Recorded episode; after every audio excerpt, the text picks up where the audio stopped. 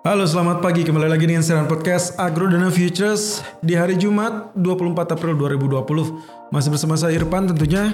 Dan kita akan mengupas untuk indeks saham Asia. Meskipun ini sudah terlampau siang sebetulnya ya, untuk uh, Hang Seng sendiri sudah menjelang penutupan sesi pertama. Lalu kemudian Nikkei sudah hampir setengah jalan uh, terutama untuk sesi pertama sampai jam kurang lebih di jam setengah dua ya.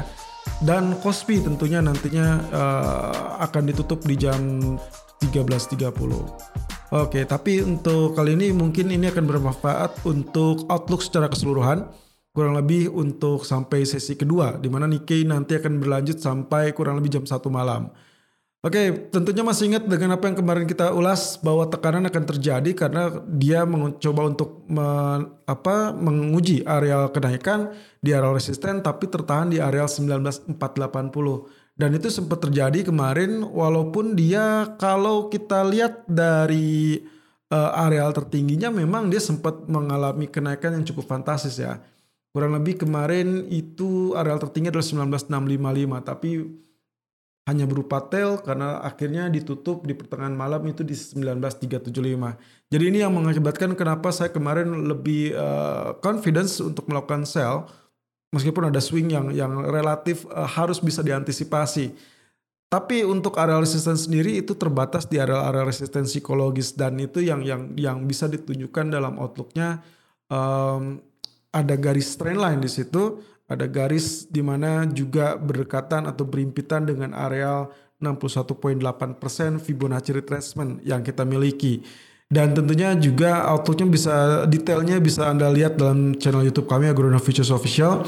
Meskipun beberapa waktu lalu sebetulnya garis ditembus, lalu kemudian dia menjadi downtrend, kemudian dia ada balik lagi. Nah, itu berarti secara keseluruhan dia dalam dalam fase downtrend, lalu kenaikan pun hanya berupa uh, pullback dan itu sangat normal dalam kategori technical analysis.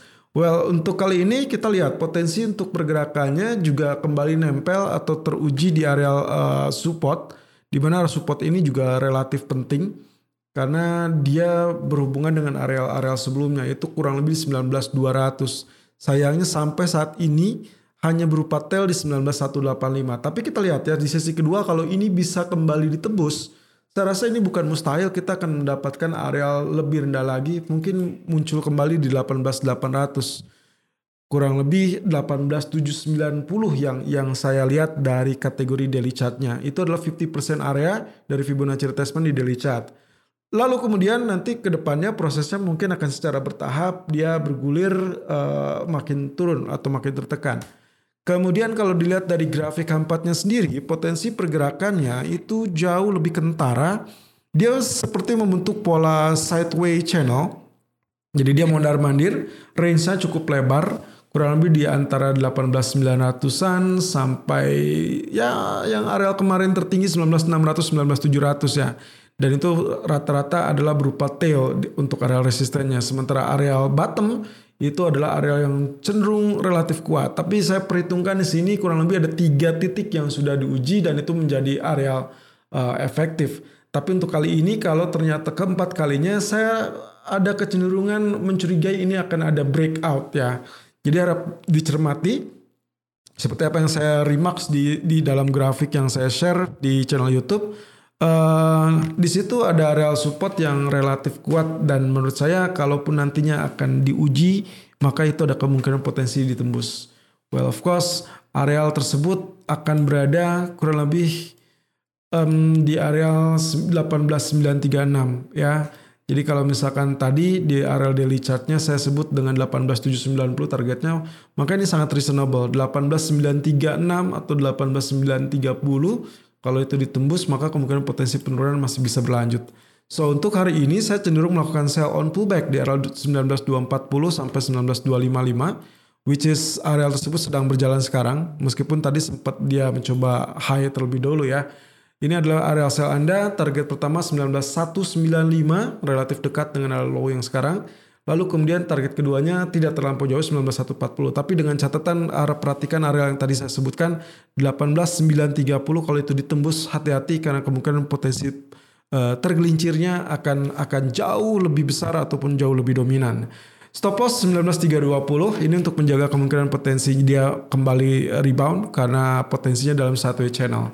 Oke demikian untuk ulasan teknikalnya. Secara berita uh, outlook dari Jepang sendiri secara internal itu data CPI Jepang yang dirilis tadi kurang lebih inflasi berada di angka 0.4% untuk skala tahunan uh, ini cenderung tidak banyak berubah ya dari ekspektasinya 0,4 dan priornya atau periode sebelumnya juga di 0,4 persen. Sementara untuk uh, ya rata-rata ini mengalami mengalami unchanged sama sekali ya. Jadi ini sesuai dengan uh, uh, ekspektasi dari dari BOJ dan tidak terlampau mencolok. Hopefully itu itu bisa sustain dan menahan laju penurunan tidak terlampau dalam. Itu sebabnya mungkin salah satunya kenapa kita melihat Nikkei cenderung mondar mandir di areal-areal yang sama. Well of course dengan informasi lainnya yang saya soroti adalah uh, ancaman kebangkrutan dari uh, perusahaan retail terbesar, retail raksasa terbesar ya, retail raksasa di AS JC Penny ya sudah mengajukan kebangkrutan dan sekarang dalam tahapan diskusi dengan para pendonatur untuk membiayai uh, di sisa-sisa atau di masa-masa uh, pengamatan oleh pengadilan ya terutama dalam masa kebangkrutan ini. So saya rasa ini outlooknya akan sangat buruk untuk retail terutama untuk retail AS dan mungkin saja akan terpengaruh dengan data uh, atau pergerakan Wall Street nanti malam sehingga kemungkinan kecenderungannya Nikkei bisa saja terseret kembali. Oke, okay, demikian selalu gunakan stop loss dan risk management sesuai dengan equity dan strategi trading Anda.